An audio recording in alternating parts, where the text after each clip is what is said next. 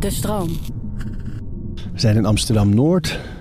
Een hele reeks woonboten langs de dijk. En een van die boten woont Sjane de Kroon van Zazi Vintage. Maakt prachtige jassen, jurken ook, met altijd stoffen uit verre landen. eh, Afghanistan, India, Nepal. Eh, ze kent daar de werkprocessen, kent de vrouwen die het maakt. Het zoekt altijd de verbinding met mensen. Niet alleen daar, maar ook hier. En eh, het is de laatste aflevering van deze serie. Ehm, maar ze komen heel veel mooie thema's bij elkaar bij haar. Ze is spiritueel. Ze is heel erg op zoek naar eh, ja, wat leven is. En, en die verbinding tussen mensen zoeken elke keer weer. eh. maar doet ook Wim Hof ademhaling. Dus ja, er zit gewoon heel veel bij haar. En eh, het wordt kiezen in het gesprek, maar ik heb er zin in. Kleine stipjes, je wordt soort kleine stukjes in je schouder gebrand. En er wordt dan het kikker- kikkervergif opgesmeerd. En dan zwel je heel erg op voor vijf minuten. En dan moet je je erg overgeven. Het is niet de leukste ervaring, maar het is wel heel fijn. Wat is een mens zonder houvast in zijn manier van leven? En ieder heeft een handvat en eigen rituelen. Orde in je hoofd zodat alles te overzien is. We praten over routines. Ik had nooit gedacht dat ik er een serieuze carrière uit kon maken. Ook omdat ik geen ambities had om modedesigner te worden of model. Dus ik zag mezelf niet in de industrie. Ehm, en ik was ook gewoon twintig. We praten over routines. Sjaan, zitten we op hete kolen? Op hete kolen? Nee, we zitten niet op hete kolen. Nee, maar je moet wel reizen ik moet straks. straks wel reizen over anderhalf uur. Ja. Je reist veel, hè? Ja, eh, het is van het fundament geworden van mijn leven. Ik eh, ben hier uit Nederland vertrokken toen ik 18 was.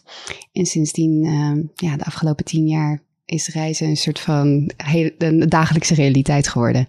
Ja, Want leg eens uit, je, je was 18 en toen dacht je... ik ben opgegroeid in Den Haag. En ehm, toen mijn, mijn, tweede, mijn twee ouders zijn kunstenaar. En hebben een soort van hele visie op de wereld. En alles was magie. En we gingen kijken naar het licht. En ehm, ik heb mijn hele jeugd mijn eigen kleding gemaakt achter mijn naaimachine. Maar ik zat wel in een soort bepaalde geconditioneerde groep op school. Waardoor ik dacht van oké, net zoals ik denk heel veel mensen die hier opgroeien. Als je een succesvol leven wilt, dan moet je wel een serieuze baan. En omdat het bij ons thuis altijd wankelig was, dacht ik van oké, dan ga ik rechten studeren in Leiden en dan, dan is het leven goed. Ehm dat heb ik drie dagen gedaan en toen ben ik eh, naar Parijs vertrokken eh, met een ukulele. En ik heb mijn haar rood geverfd en ben naar het avontuur aangegaan.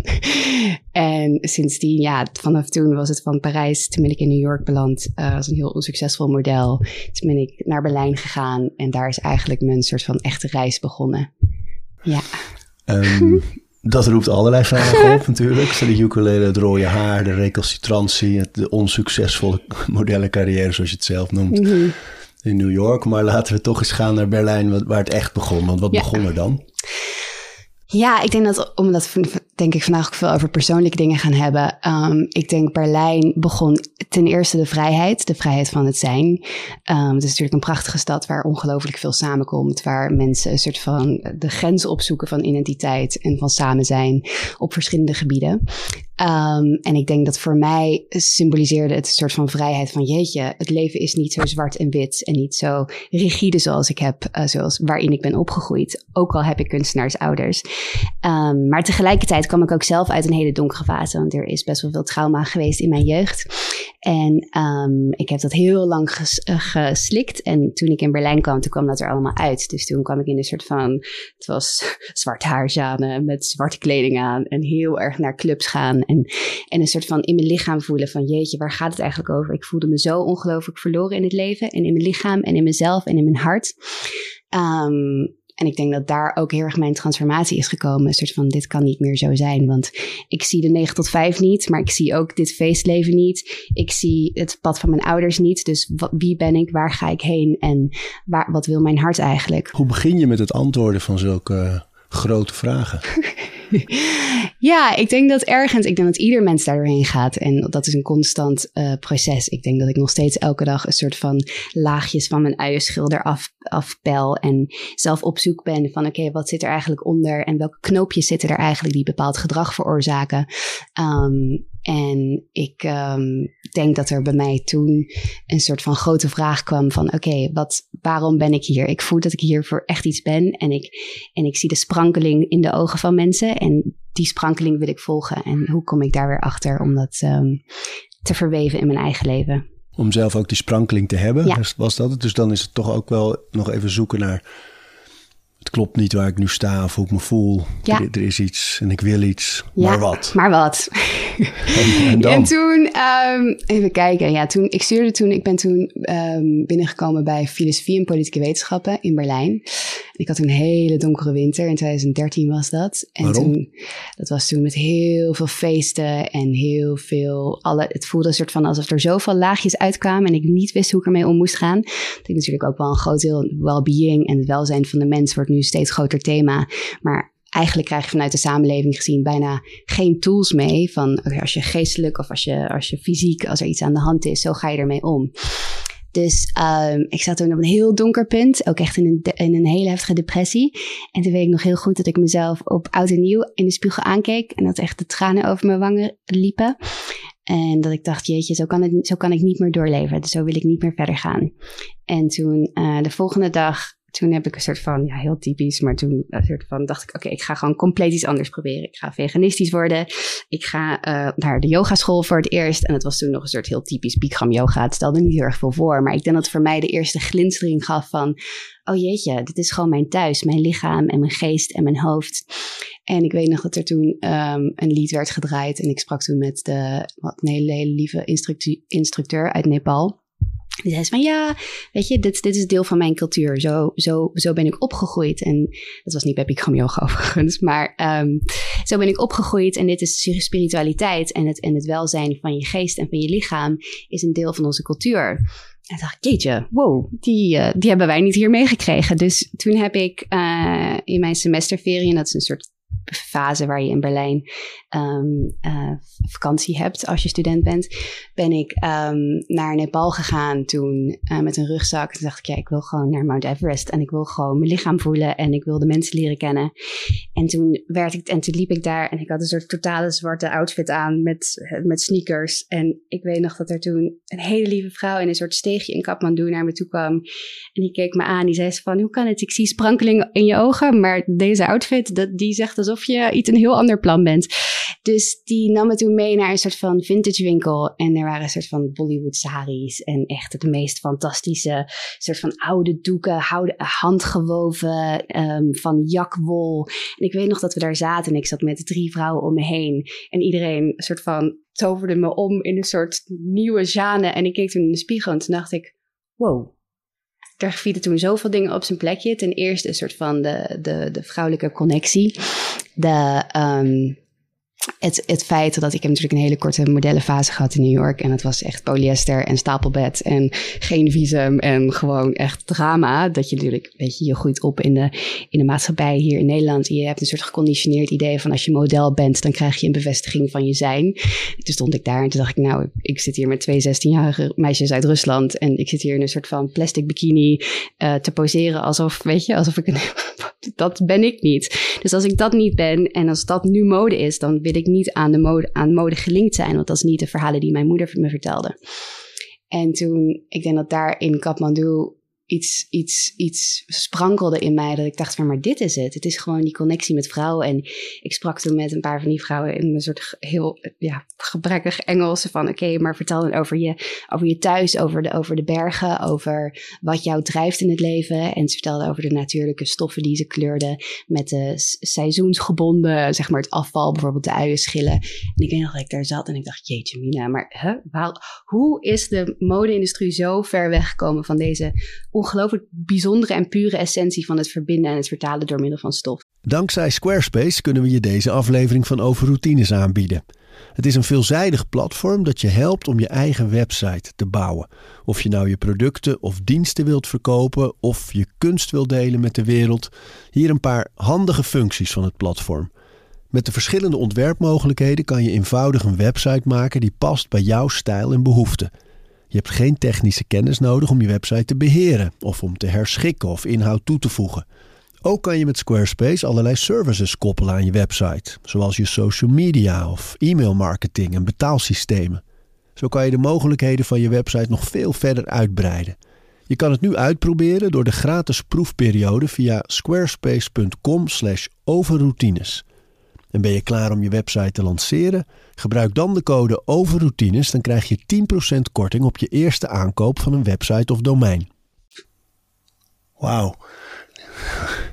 Want je vliegt er dan doorheen, maar dat, dat is eigenlijk al, dat heeft gewoon de koers gezet voor de rest van je leven.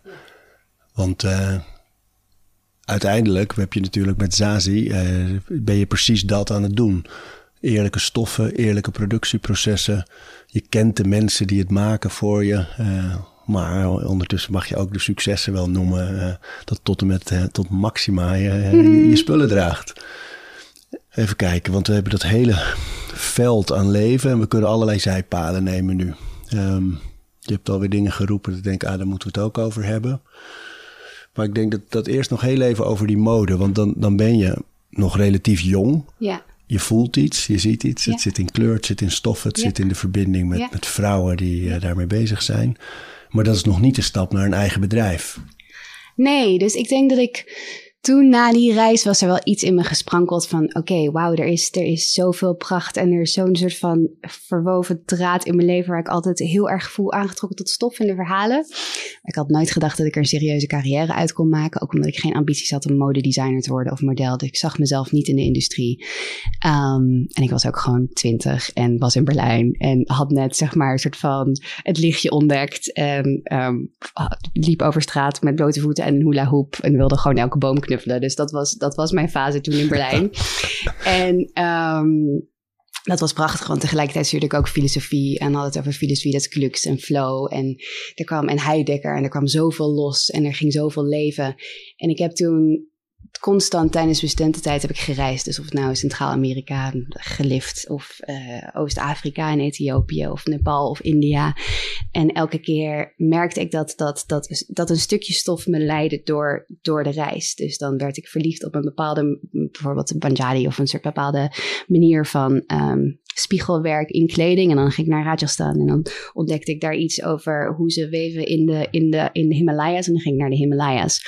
Dus zo leidde eigenlijk die stof me altijd door een soort van heel, uh, door, door de wereld. En um, ik had zelf gewoon een enorme verzameling. En, ik, en, ik, en ik, ik leerde de vrouwen kennen die het weefden en die het spinden. En toen ik, even kijken waar dat was toen in 2016 toen leerde ik op een gegeven moment een hele bijzondere Afghaanse familie kennen. En in 1979, toen de Russen in Afghanistan binnenkwamen, um, toen um, zijn heel veel Afghanen weggegaan en zij hebben toen heel veel stoffen opgekocht. En ik leerde ze kennen aan de grens van Pakistan en India. En ik weet nog dat ik daar zat. En natuurlijk hebben wij een heel geconditioneerd idee in Nederland over wat Afghanistan is. Ik ben opgegroeid met, met crisis, met oorlog, met drama, met terrorisme. En ik zat daar tussen die familie in een heel klein kamertje. En we hadden safraanthee en een soort van bord vol amandelen en een stukje stof. En ze vertelden me over over de Kalash tribe in Pakistan, over de, de Kuchi-nomaden. Ze vertelden over het landschap, over de muziek, over dansen in de bergen. En het was echt een soort alsof ik gewoon kippenvel kreeg. Dat ik dacht van, jeetje Mina, er gaat zo'n wereld open. Puur door zo'n heel klein, door, door, door een jurk die ik ooit heb gewonnen op een markt. En um, voor mij was dat, was dat, ja, dat was, dat, was, dat was een soort hele mooie connectie. Dus ik heb toen een paar dingen van ze gekocht en ben toen op de zondagsmarkt letterlijk gaan staan in Berlijn. En dat was natuurlijk ook tegelijkertijd de tijd dat Rana Plaza gebeurde. Dat is de hele grote fabriek die toen omviel. Um, dat veel meer bewustzijn kwam over de mode-industrie.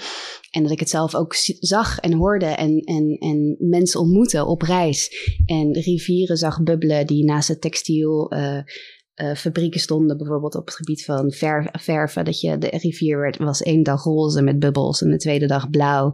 En de meeste mensen die aan de rivier woonden hadden uitslag en hadden last. Dus Vervuiling. als je dan, eh, zeg maar, ik denk dat het natuurlijk. En dat is een hele verhaal met zeg maar mode. We zijn zo ver verwijderd. Normaal als je bijvoorbeeld in Nederland bijvoorbeeld in Marken. Um, Mijn geboorte-eiland, Schiereiland. Als je bijvoorbeeld um, normaal in Nederland, kijk, um, een stukje stof, een stukje of iets kocht, of het nou een vetje of iets was, dan, dan wist je precies wie het heeft gemaakt, wat voor een koeder of wat voor schaap er aan te pas van gekomen, welke kleurtjes er waren gebruikt. En daardoor heeft iets waarde, omdat je een connectie hebt met de maker, met het verhaal daarachter. Maar we hebben nu in ons soort van postkoloniale systeem de, de focus weggehaald van de maker uh, naar het model. Waardoor je eigenlijk inherent geen diepere connectie kan hebben met dat stukje stof. En het daardoor ook niet respecteert op manier hoe je dat zou moeten.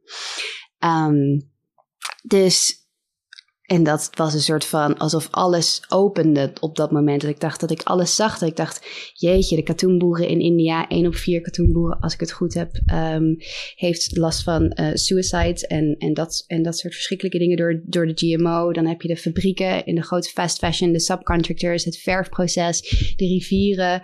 En dan tegelijkertijd, dan gaat het naar, nee, of dan gaat het naar Europa of naar het Global North. En dan gaat een soort Shana als 18-jarige daarin staan, waardoor andere mensen, waardoor andere vrouwen dat dan kunnen kopen.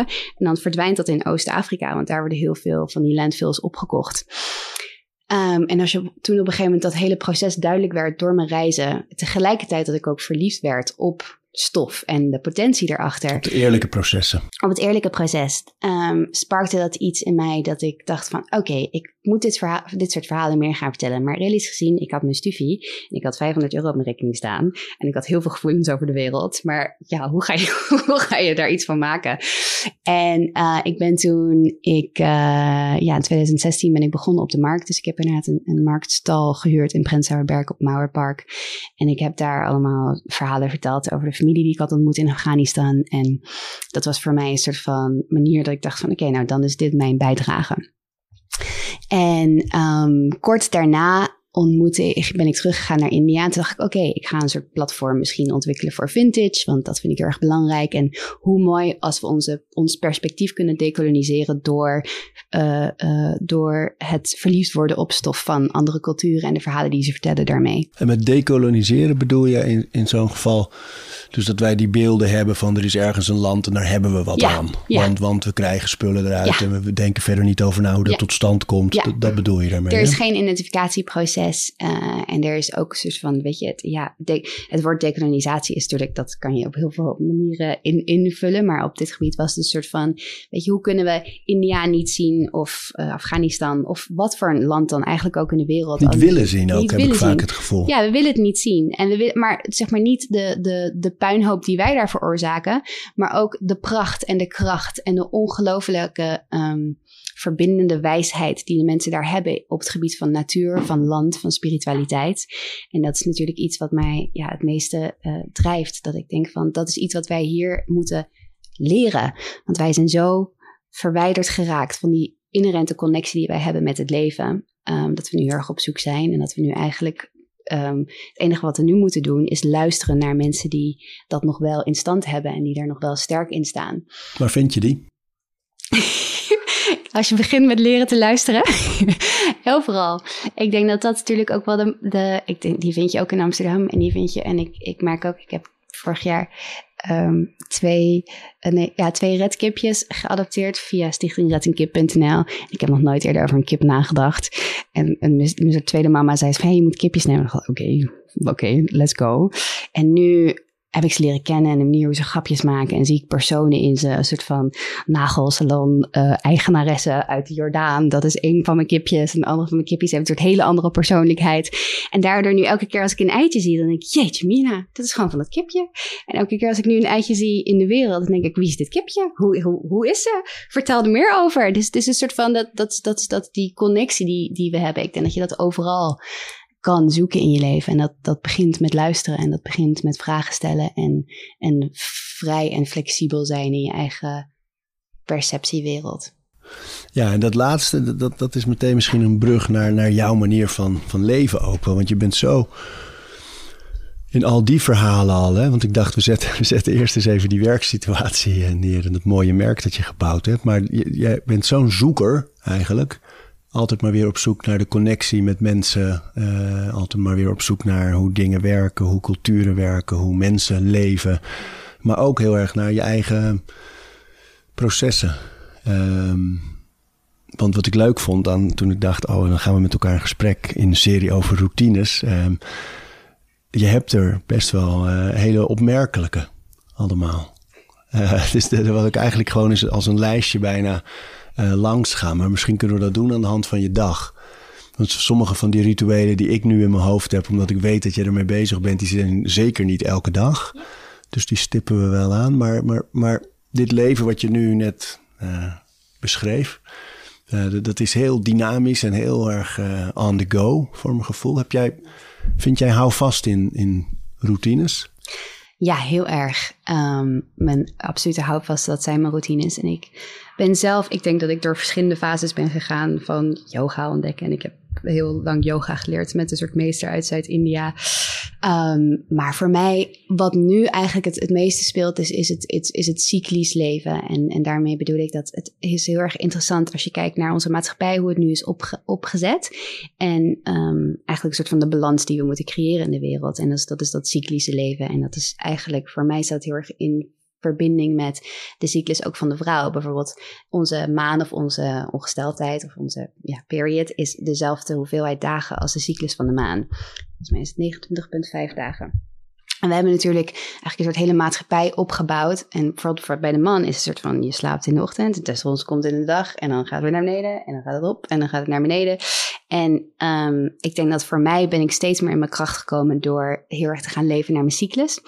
En um, ook daar bepaalde rituelen aan in verbinding zetten. Dus, dus heel erg intentioneel. Ik denk dat voor mij het grootste is intentionaliteit. Dus ik zit elke ochtend, als ik wakker word, uh, het liefst zo vroeg mogelijk, rond een uurtje of zes, dan steek ik een kaarsje op en dan um, mediteer ik. En dan, um, maar het hoeft niet eens heel lang te zijn. Het kan ook drie minuten zijn. En dan schrijf ik op wat mijn intentie voor van de dag is. En dan voelt het alsof een soort van die intentie over het, over het hele dag een soort deken legt. En dat daarin heel erg veel dingen gebeuren. En dan heb ik met de nieuwe maan en met de volle maan, dan heb ik een grotere rituelen voor mezelf. En ik denk dat dat ook erg inherent is aan hoe wij hier altijd hebben geleefd. Want als je ook kijkt naar Europa, is volgens mij zijn er tussen 1400 en 1900 zijn er 9 miljoen vrouwen vermoord um, met beschuldigingen van hekserij. En dat is natuurlijk um, een soort, ja, voor mij is dat een soort teken dat ik denk van ja, wij hebben, wij wisten altijd hoe we met onze eigen plantjes moesten omgaan. En hoe wij, weet je, wat bijvoorbeeld inheemse culturen hebben. Dat ze letterlijk, en daar ben ik veel onderweg geweest in, in de Amazones, dat ze kijken naar het bos of naar, naar de eigenschappen van planten. En dat ze daardoor als, als een soort van bibliotheek van het leven uh, kunnen samenleven met het bos en die planten. En dat hebben wij overal gehad. En ik denk dat. Um, dat zijn en door rituelen, door dat weer terug te brengen. Dus bijvoorbeeld als, je, als de brandnetels opkomen, dat je dan brandnetelthee maakt, omdat het goed voor je lichaam is, omdat het gelijk staat aan een bepaald seizoen. Het eigenlijk waar die heksen om veroordeeld werden, dat is eigenlijk hele waardevolle kennis die we aan de kant hebben geschoven. Zeker. En uh, die nu weer van toepassing is. Maar even, even terug naar jou. Want je zegt, Rituelen. Nee, je, je mediteert. ja. En je zegt soms drie minuten, soms is het langer. Je steekt een kaarsje aan. Is dat stilte? Of ben je dan... Ja, ja, sorry, oké, heel praktisch. Um, ja, de, mijn, mijn rituelen. Ik, ik ga denk ik zoals ieder mens ter fases. Ik mediteer, maar ik doe ook heel veel dans en uh, bewegingen met dans. En in de ochtend dan? In de ochtend, ja. Dan zet ik mijn muziek op en dan vraag ik mijn lichaam hoe ze wil bewegen. En dan komt er soms, ga ik heel erg dansen en soms wil ik yoga doen. Soms is het yin yoga, soms is het rennen. Um, maar ik denk dat het heel fijn is voor mij dat ik niet meer het gevoel heb van oké, ik moet vier keer per week een bokstraining doen. Want heel vaak wil je lichaam dat helemaal niet. Dus ik denk daar gewoon een moment voor nemen van oké, wat heb ik nodig voor mijn geest of voor mijn lichaam? Soms voel je een knoop in je hart en dan denk je van oké, hoe kan ik deze eruit halen? En dan kan dat zijn natuurlijk door te gaan rennen, maar het kan ook zijn door een boekje te, te nemen en te gaan schrijven van hé, hey, waar komt het vandaan? Wat is dit? Um, en dan doe ik heel veel ademwerk. Um, ik um, doe sinds een jaar ook een Wim Hof training. maar uh, voornamelijk ademwerk op het, um, ja, dus pranayama vanuit India, maar ook ademwerk inderdaad in die soort van, ja, in de Wim Hof methode. Dus dat je een soort van heel erg gaat, hoe zou je dat best omschrijven? Gaat hyperventileren in drie rondes, ademen. heel intensief ademen. Dus die andere die je het noemde vanuit de yoga, die is heel, heel erg uh, kalm eigenlijk. Hè? En die en Wim Hof, uh, ja, het is vrij hoog tempo. Er gebeurt van alles. Ja. Uh, maar die, die wissel je af. Ja. Ja. En hoe kies je liggend... welke je, welke je neemt? Puur op gevoel. Ja, ik denk dat dat op een gegeven moment komt als je, als je, als je dat dagelijks doet. En dat je kijkt van, hé, hey, wacht even, mijn lichaam reageert nu zo op dit. En dan de andere dag dat je, dat je gewoon veel meer rust nodig hebt. Dus voor mij is dat een soort van, um, dat is een tien, nou nu tien jaar, ik ben pas heel jong, maar een tien jaar lange weg geweest. Dat ik denk van, oké, mijn lichaam zit zo nu in elkaar. Mijn geest voelt zich zo in de ochtend met mijn kaarsje en mijn momentje. Dus hoe kan ik hier uh, het beste mee omgaan? En dan kies ik wat er het beste aanvoelt. Maar ik leg mezelf niet een soort van, oh, ik moet zoveel per week uh, yoga oefenen of uh, meditatie doen. Maar waarom de ademhaling? Wat is de, voor jou de aanleiding geweest om je daarin te verdiepen? Ja, ademhaling is natuurlijk gewoon hetgene wat ons, wat ons letterlijk zuurstof en leven geeft. En ik denk dat heel erg onbewust. Um, uh, het eerste moment dat je op de wereld komt, dan snak je naar lucht. En ik denk dat we ons heel erg vaak niet bewust zijn van onze ademhaling. En ik merkte dat heel veel van mijn stressvolle situaties, of, of, of dat door het reizen kwam, of door uh, dingen die er gebeurden met werk of in de liefde, of wat dan ook, dat het, dat het, dat het heel erg effect had op mijn ademhaling. En wat je doet met je, als je ademhalingswerk doet, en er zijn verschillende manieren om dat te doen, dat je eigenlijk het, het soort van het, het, het, ja, het onzichtbare energetische laagje openhaalt en dat je het weer laat vloeien. Dus zo voelt het heel erg als, als ik het doe. Als ik ook Wim Hof doe, dan krijg je kramp op bepaalde plekjes. En dat zijn natuurlijk eigenlijk um, voor mij symboliseert dat heel erg de, de knoopjes die je in je, in, je in je lichaam of de trauma's die je in je lichaam hebt opgeslagen. En dat hoeven niet hele heftige, diepe trauma's te zijn, maar dat kan gewoon een soort opmerking zijn. Dat je denkt van jeetje, dat zit nog ergens in mijn lichaam vast. Je houdt energie altijd vast. En ik denk dat je als je beter bewust bent van je, niet alleen je, fysieke lichaam, maar je energetische lichaam, dat je, en als je die twee in, balans kan brengen door inderdaad dat soort, door ademhalingswerk, uh, door yoga, door in het, in het koude water gaan dat je dan veel ja, dat doe je ook. Gewoon hier, want we zitten... ja, een van de collega's noemde het net een boerderijboot. het is een woonboot in Amsterdam-Noord aan het water. Met uh, lopen kippen rond. Uh, zeer veel kleur. ja. Stoffen natuurlijk Stoffen, overal. overal. maar dat in het koude water gaan, dat doe je hier lekker in het water in Amsterdam-Noord. In de Ja. winter uh, ook. Ja, ja, ik heb echt een fantastische trainer gevonden, die heet James. En James, uh, die heb ik via via ontmoet. En die kwam, komt hier nu elke vrijdag um, koud water dippen. Dan komen de buurvrouwen mee. Leuk. hier roelie? en dan doen we Wim Hof en dan gaan we dippen. En ik denk dat het voor mij echt zo'n verschil heeft gemaakt in de winter. Om uh, door dat proces te gaan. En het geeft je zo'n enorme kracht. Het is alsof je een soort hè? van mini-ceremonie hebt. En je weer helemaal weer herboren voelt. Ja. En Wim Hof doen jullie ervoor, zo die, die ongeveer 20 minuten, die 30 ademhalingen. Ja. Even vasthouden, weer 30, even vasthouden, weer 30. En dan een kleine meditatie en dan de. Wim Hof dip. En dan kan je, de, kan je de hele week weer door. En als je eruit komt, wat doe je dan? Doe je die buffalo stance? Ja, we doen ook de dans daarna en de buffalo stance. En daarna nog een keer koud douchen. En dan voel je je alsof je een soort van alle laagjes die je hebt. Het is, het is echt fantastisch. Ja. Ja. ik kan het niet vaak genoeg aanraden. Het is, het is echt, het is echt een game changer voor mij geweest. Ja? Ja. En in welk opzicht nog meer? Behalve dat het je dus aanzet. Ik denk dat het je heel erg herinnert aan de kracht van je eigen lichaam. En ik denk dat dat heel erg mooi is. Dat je ja. natuurlijk niet alleen je, je lichaam, maar ook je geest. Want als je, ik weet nog dat, dat het hier echt eh min 10 vroor en dat er zo'n wak lag. En dat James had een soort van machette meegenomen. En eh, dat eigenlijk alles in je lichaam zegt soort van, oh, dit wil ik niet, want ik wil warm blijven en ik wil op het bootje blijven. En dat je, als je er dan ingaat, dat er een soort van soort oerkracht uit je komt. En om dat te voelen op een dagelijks moment is natuurlijk gewoon het allermooiste. En dat is natuurlijk wat mens zijn eigenlijk is. Prachtig. Dat je daar altijd weer op terug kan, kan vallen. Zoals Ja. het op een, op een dag, weet je, als ik dat doe en dan daarna bij wijze van spreken gebeurt er iets op werk wat logistiek niet helemaal werkt of zo. Dat ik Dat is een dan een soort van, dan, poef, dat ik dan weer helemaal naar voren kan komen van oké, nee maar Jana, je bent gewoon, je kan alles. Ja. Dit ja, kan ik je denk ook. het ook hoor. Dat het los van de wetenschappelijke voorwaarden voor je immuunsysteem, voor je doorbloeding, voor eh antistress, dat het ook gewoon die, die training van iets doen waar je tegenop ziet. Ja. Elke dag weer. En dat je voelt van, oh ja, dit kan ik dus aan. Dit kan mijn lichaam aan. Ja. Dat zijn zulke waardevolle momenten. Ja, Ja. zeker. Ja. En nu we toch in zo'n soort lijstje zitten, want jij bent ook, je bent ook van de ayahuasca. Ja, ehm, ja, ik heb, eh, ben begonnen met, denk verschillende manieren ontdekken van plantmedicijnen in 2015, 14. Ehm, ik ben veel naar de Amazones gegaan, eh, naar de Honeyquin en naar de Yawanawas.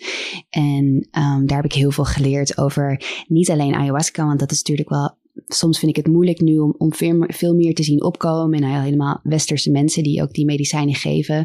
Ehm, hippe cirkels in Amsterdam die dat gebruiken. Microdose ayahuasca in Silicon Valley. Er zijn natuurlijk, en daar is het niet voor bedoeld. Het is, een, het, is het meest. Het is, het meest, het is het allergrootste cadeau geweest voor mijn hart en voor mijn ziel. En ik heb daar dingen meegemaakt en gezien en gevoeld die, eh, waar bijna niet mogelijk is om het in woorden te plaatsen Probeer eens. Ja, voor mij heeft het alsof je, je ziet je, je, ehm,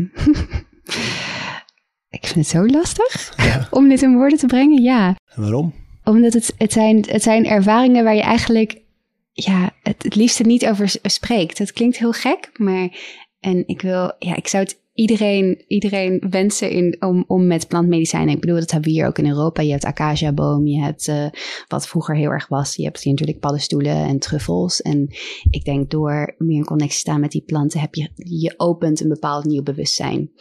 En de guardians of de mensen die, die vanuit de Amazones, die hebben natuurlijk um, ongelooflijk prachtige manieren om met die planten en met het bos te connecten en met ook de spirits en, de, en de, de, um, hetgene wat we niet zien. En ik denk dat dat voor mij, voor mij toen ik um, ayahuasca ben gaan drinken in Amazones, dat toen alles op zijn plekje is gevallen. Um, maar ik vind het ook ergens, ja, nu ik, er, nu ik er meer over weet en nu ik veel meer over, over ook de pijn, de koloniale pijn weet, vind ik het zo lastig soms dat aan de ene kant zie ik heel erg dat het heel erg nodig is in de westerse maatschappij, maatschappij om dit soort dingen weer her te introduceren. Aan de andere kant is het ook een soort van. Um, commerciële trend. Ja, het is een commerciële trend en het is ook een soort van: oké, wat kan ik er beter van worden? Terwijl we uiteindelijk, weet je, we hebben volgens mij er zijn 3% van de wereldbevolking is inheems en die beschermen 80% van de biodiversiteit. En er zijn natuurlijk nu heel veel mensen die reizen naar de Amazones om zelf beter te worden en te helen. En dat is prachtig. maar, als, je, als, er geen, als er geen, ja, als je niet dan ook al het andere kan zien waar ze doorheen gaan en, en ze ondersteunt, dan is het meer iets van nemen in plaats van maar, maar we het zo vragen. Wat is voor jou het verschil tussen uh, al die mensen die uh, op zoek zijn? Hè? Ja. Dus mensen gaan inderdaad vooral in die hoek zoeken. Ja. Vaak zijn ze een beetje wars van de, de westerse uh, spiritualiteit. De kerken en de, mm de, geestelijke voeding die in de Calvinistische cultuur mm -hmm. is ontsproten. Um, ze gaan zoeken in of de, de Oosterse wereld, hè, het, ja. het Verre Oosten, of die Zuid-Amerikaanse. En de laatste vijf of nou peyote of ayahuasca. Ja, of, ja, is het een beetje die hoek uh, meer geworden. En het, wat is voor jou dan het verschil tussen jouw zoektocht en die, ja, die wat meer massale is dat niet misschien toch hetzelfde? Dat je als mens altijd een beetje voelt, ik mis iets, ik zoek iets. Zeker. Ik denk dat, ik, ik begrijp het ook helemaal. En ik denk dat ik voor de eerste keer dat ik een yogales had, zag ik niet het hele, ik bedoel, dan heb je niet het, het hele filosofie, alle werelden achter yoga. En dat was met een heel lief, ook wit meisje. En die had ook ooit een teacher training gedaan van 200 uur. Dus dan pak je helemaal niet eigenlijk die essentie. En ik denk dat Uh, dat is ook oké, want iedereen heeft zijn eigen proces. En ik denk dat je juist, maar nu hebben we denk ik na 2020 heel erg geleerd om, om, om voornamelijk met dat soort practices, of het nou San Pedro is of ayahuasca of of waar het ook vandaan komt, als het niet jouw cultuur is, dat je dan toch nog een stapje achteruit moet zetten van oké, maar hoe kan ik hier met een bepaalde intentionaliteit ingaan, dat het niet nemen is, maar dat het ook geven is. En dat, we, um, dat ik echt kan luisteren, niet alleen naar uh, wat kan dit mij beter maken en oh wat leuk, ik ben daar naartoe gegaan, maar meer een soort van oké, maar hoe kan ik mensen echt zien en hoe kunnen we elkaar dan ondersteunen? En ik denk dat dat proces is ook een proces wat ik heel erg heb moeten leren. En wat denk ik iedereen, weet je, waar iedereen nu meer open voor staat. Dus ja. ja en, dan, en dan, je zegt net, ik, ik vind het bijna het beschadigen, de ervaring bijna beschadigen als ik te veel oh, uitleg wat, zeg, het, ja. wat het nou zo. Uh, um, toch heeft het jou iets gebracht waar, waarvan je zegt, ja, maar dit is voor mij wel echt ken, kenmerkend geweest. Of het heeft me echt. In mijn transformatie. Ja. ja. ja. Kun je dat proberen te beschrijven, wat dat dan is? Ja, wat ik eerder al zei, dat het het onzichtbare zichtbaar, zichtbaar maakt. En niet alleen in je persoonlijke proces, maar in de wereld. En dat je um, dingen voelt of ziet of dat dingen los kan maken uh, door middel van het plantmedicijn als grote hulp. Um, die je zelf niet kon zien. Bijvoorbeeld dingen die er in mijn jeugd waren gebeurd en dingen die de, de trauma's die ik zelf heb meegemaakt. Dat ik, dat ik eindelijk begreep of zag waar dat vandaan kwam. Dat ik dacht van dat ik, dat ik kon zien waar mijn moeder doorheen is geweest zonder dat ze me, dat mij heeft verteld. Dus dat er bepaalde stukjes heel erg op zijn plek vallen. Waardoor je eigenlijk een soort van bevrijding uh, kan, kan geven aan al die knoopjes die je zo lang tegenhielden. Wat je in tien jaar therapie kan doen, maar wat je ook in één avond kan doen, bij van spreken.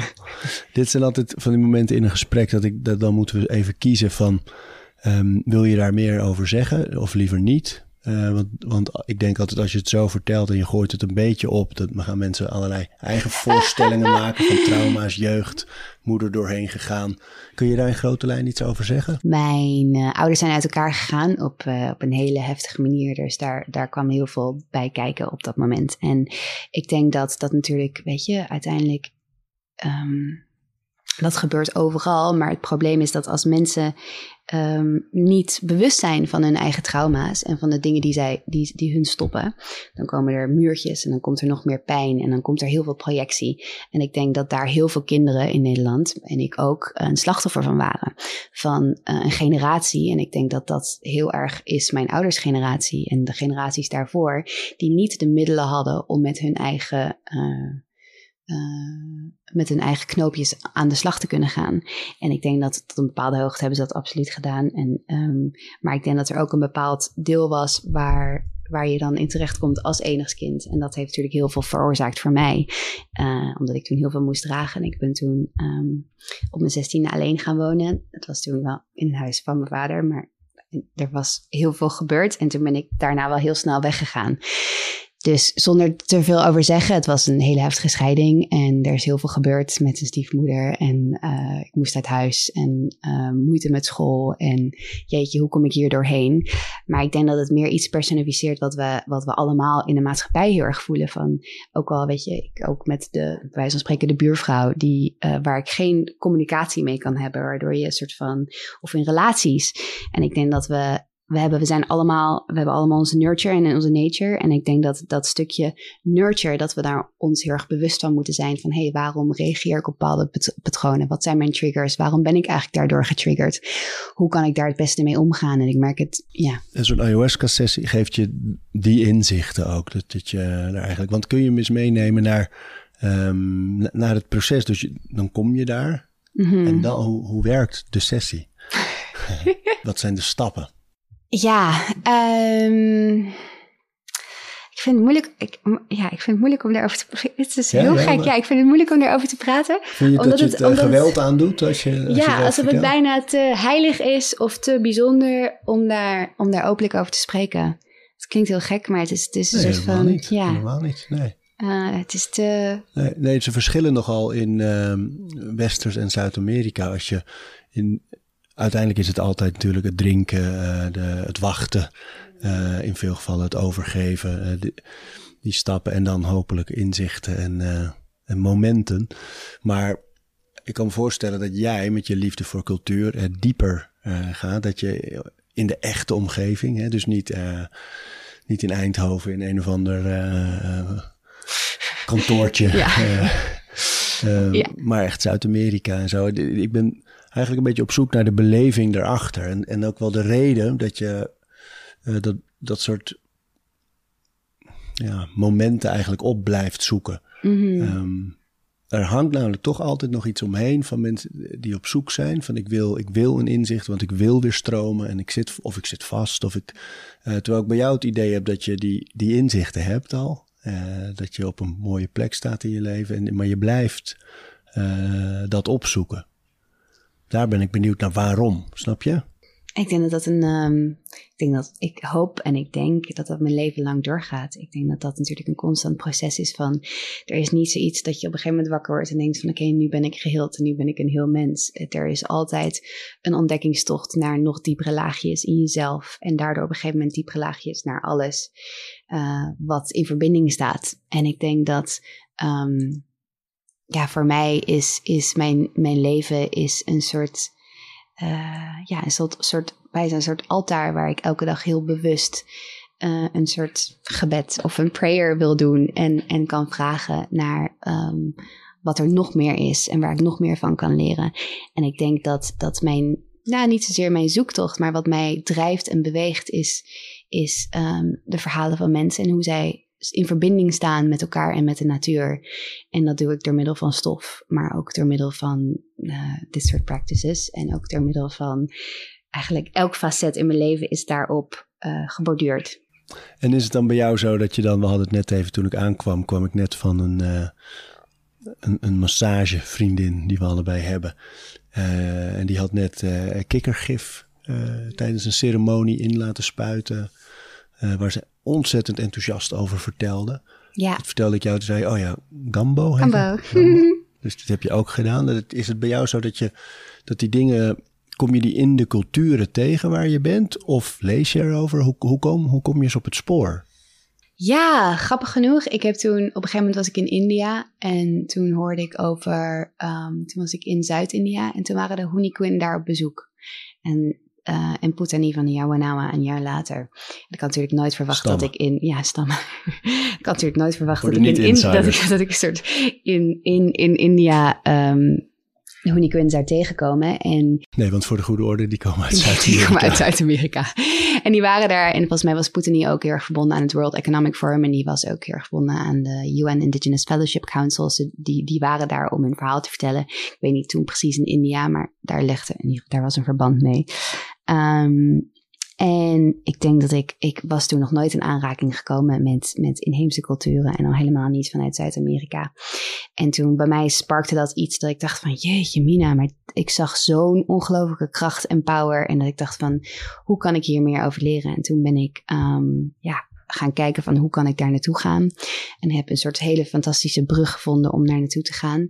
En voor Wat mij was wa- een hele lieve, een hele lieve vrouw die, die faciliteert die connecties. Dus die gaat kijken van oké, weet je, waarom, met wat voor soort intentie kom je naartoe? Oké, als je er mee wil, dan gaan we je het hele proces eh, laten zien en laten voelen. En het zijn niet retreats die, die zijn gemaakt voor, wijze van spreken, westerse mensen die in een soort luxe zitten met zeg maar x hoeveelheid ceremonies. Het is echt een soort totale immersie en waar je ook leert over wat er is gebeurd met het land, wat er is gebeurd met de stam, hoe ze voor hun grond hebben moeten vechten en nog steeds elke dag doen. En Zo'n vrouw bemiddelt daar dan in. Die heeft dus eigenlijk een Ja. cultureel belang van Ja. ik wil dat iemand echt de cultuur Ja. begrijpt en doorgrondt. en, ziet en weer over voelt. vertelt. En natuurlijk is, is, is zijn de plantmedicijnen een deel daarvan. Maar het is niet de, het doel van de reis. Het Nee. doel van de reis is mensen laten zien.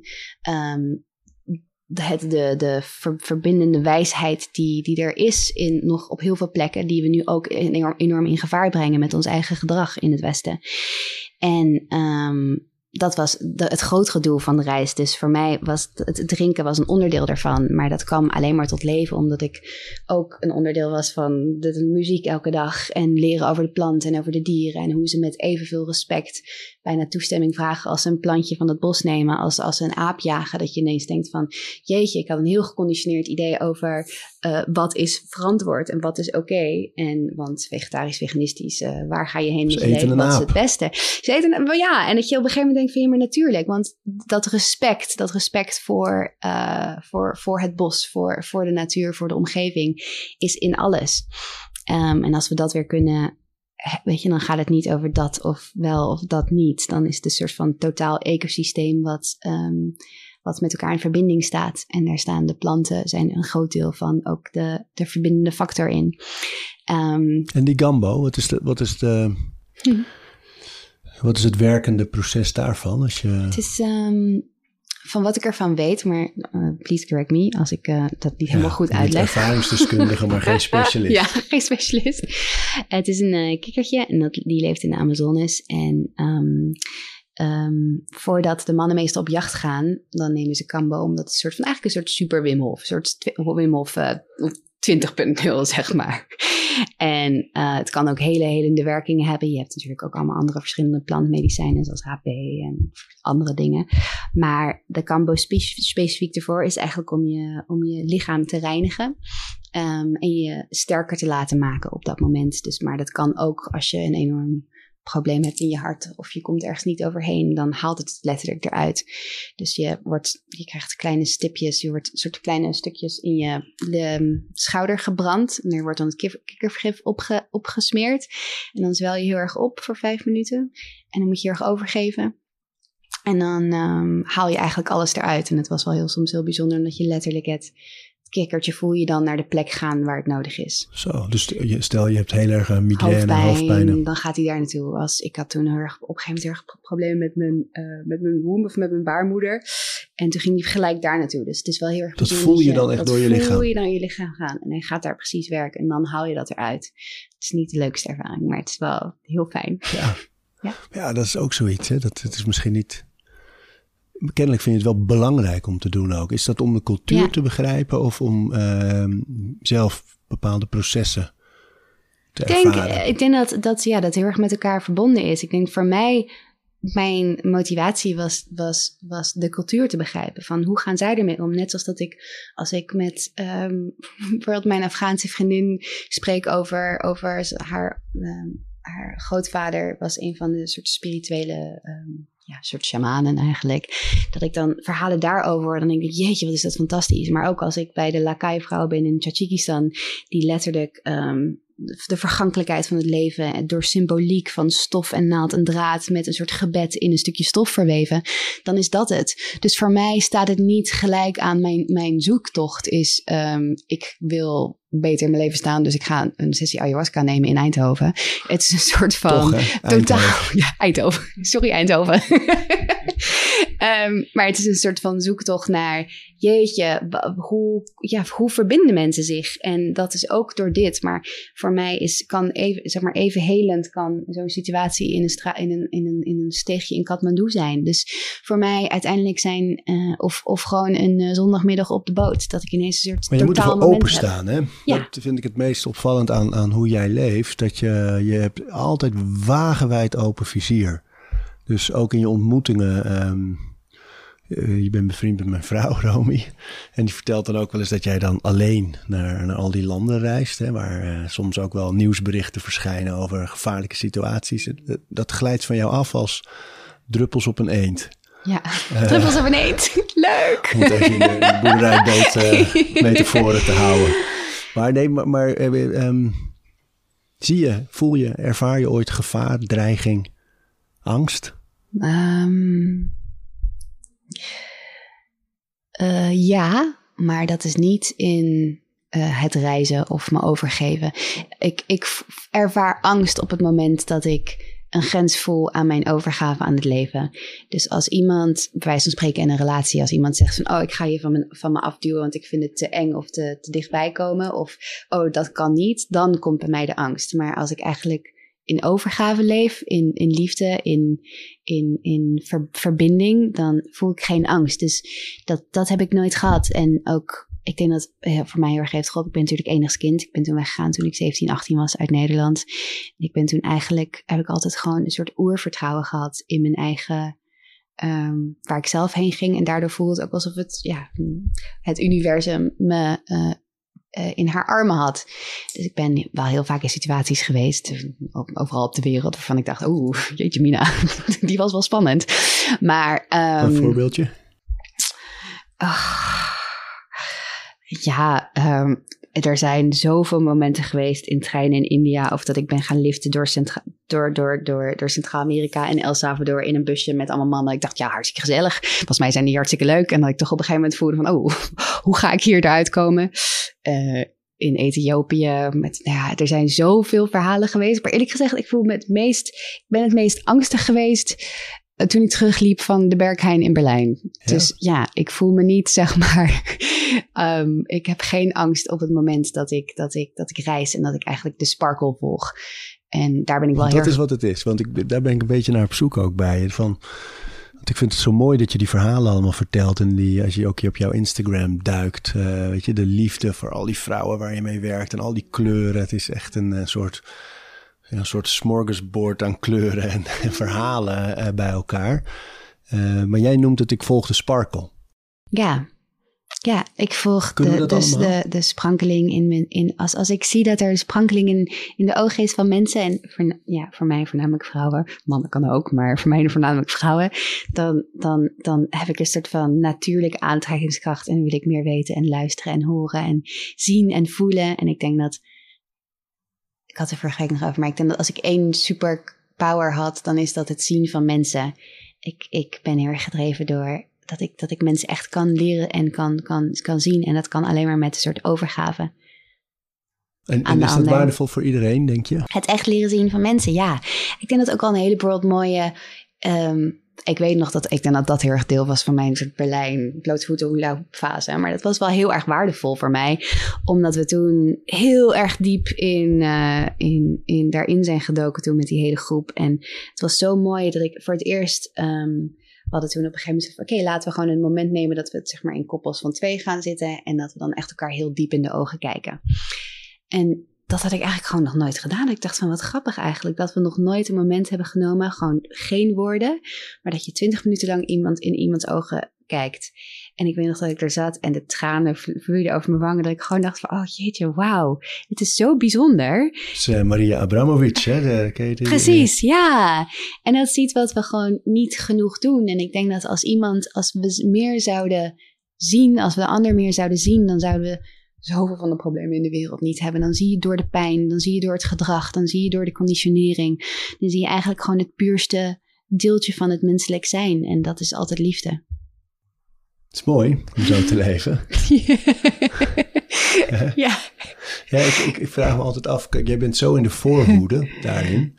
Um, dat ik me ook kan voorstellen dat, dat, uh, dat, dat mensen dat dan uh, snel in een hoekje duwen van ja, maar dat is, uh, ja, dat is fladderen. Weet je, jij, jij leeft een soort spiritueel leven wat voor de meeste anderen niet. maar voor hoe vertaalt zich dat, zeg maar? Weet je, dus, dus de mensen die dit dan horen, bijvoorbeeld jouw verhaal en je, je ervaringen en je, je kijk op het leven van.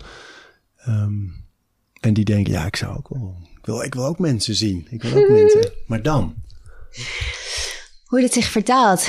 Um, en dat begrijp ik hartstikke goed hoor, als mensen mij in een hokje zouden willen plaatsen. Ik denk dat, ja, dat, dat, dat is helemaal oké. Ik denk dat als je, als je zelf oké bent, dan is dat ook allemaal hartstikke goed. Maar um, hoe vertaalt dit, eh, dit, dit zich in... Nog, kan je nog vragen? Ik kan, ik kan nog een nou vraag stellen. Van, weet je, Sorry. ik ben een beetje naar, Het voelt soms alsof je met een missie bezig bent. En die missie is natuurlijk enerzijds op het gebied van, uh, van, van mode. Hè? Dus weg van de fast fashion, terug naar het proces, terug naar de eerlijke maakprocessen. De mensen kennen die die dingen maken. Kleur, echt. Dat zijn allemaal termen die bij mij naar boven komen als ik je verhalen hoor. Dat is een missie. Maar dat mensen zien, dat is veel breder nog natuurlijk. Ja, zeker. En ik denk eerlijk gezegd, ik, ik, uh, Zazi is mijn bedrijf, een van de hoofdpartners van uh, een initiatief van de Verenigde Naties en de World Trade Organization. En het heet het Ethical Fashion Initiative. En ik denk dat als ik één man mag noemen waar ik het meest naar opkijk, is dat de, de, de, de, uh, de man die dat leidt, Simone Cipriani. En als ik naar hem kijk en de manier hoe hij ergens aankomt in Afghanistan, eh, tussen de, tussen de granaatappelen en een, letterlijk een vrouw totaal ziet die uh, een klein stukje stof weeft en haar totale overgave en aandacht geeft, dan, dan voor mij heeft dat niks te maken met spiritueel of wit meisje zoek naar betekenis of wat dan ook. Dat is gewoon een, een soort, dat is, dat is de fundament van, van, van het leven en dat is waardoor alles op mijn leven in een plekje, op een plekje is gekomen. En dat is niet omdat ik ooit heb gedacht, ik wil een groot bedrijf of ik wil op zoek naar mezelf. Het is een soort van, hoe kunnen we um, die verbinding en het mens zijn weer terugbrengen naar, uh, naar, naar de essentie. En dat heeft niks te maken met of wat, wat je ook doet. Of, het, of het nou kerk is, of het nou niet is. Of je nou helemaal niet spiritueel bent. Want ik heb heel veel mensen die, die ook om me heen die zeggen: ja, ik ben echt niet spiritueel. Maar die zijn gewoon zo ongelooflijk intentioneel en, en betrouwbaar. En staan sterk in zichzelf. Dus daar heeft het niks mee te maken. Uiteindelijk staat het gaat het over een stuk verbinding. Het maakt niet uit hoeveel ayahuasca je drinkt. Of het maakt niet uit hoeveel Wim Hof je doet. Het gaat er uiteindelijk over van als jij in je center staat en als jij in verbinding staat met de ander en met de wereld, dan. dan... Maar ook een beetje leer jezelf goed kennen en begrijpen voordat je die relatie met een ander aan kunt gaan ook. Hè? Ja, ja. En je duikt straks weer een vliegtuig in. Ja. Uh, deze keer niet zo heel ver, naar Engeland. Engeland, ja. Um, maar heel even kort nog over, over al dat reizen. Van, want jij hebt vast ook jetlags, problemen. Ja, maar, maar, misschien ook wel rituelen die je hebt voor het reizen van uh, qua eten, qua slapen, qua...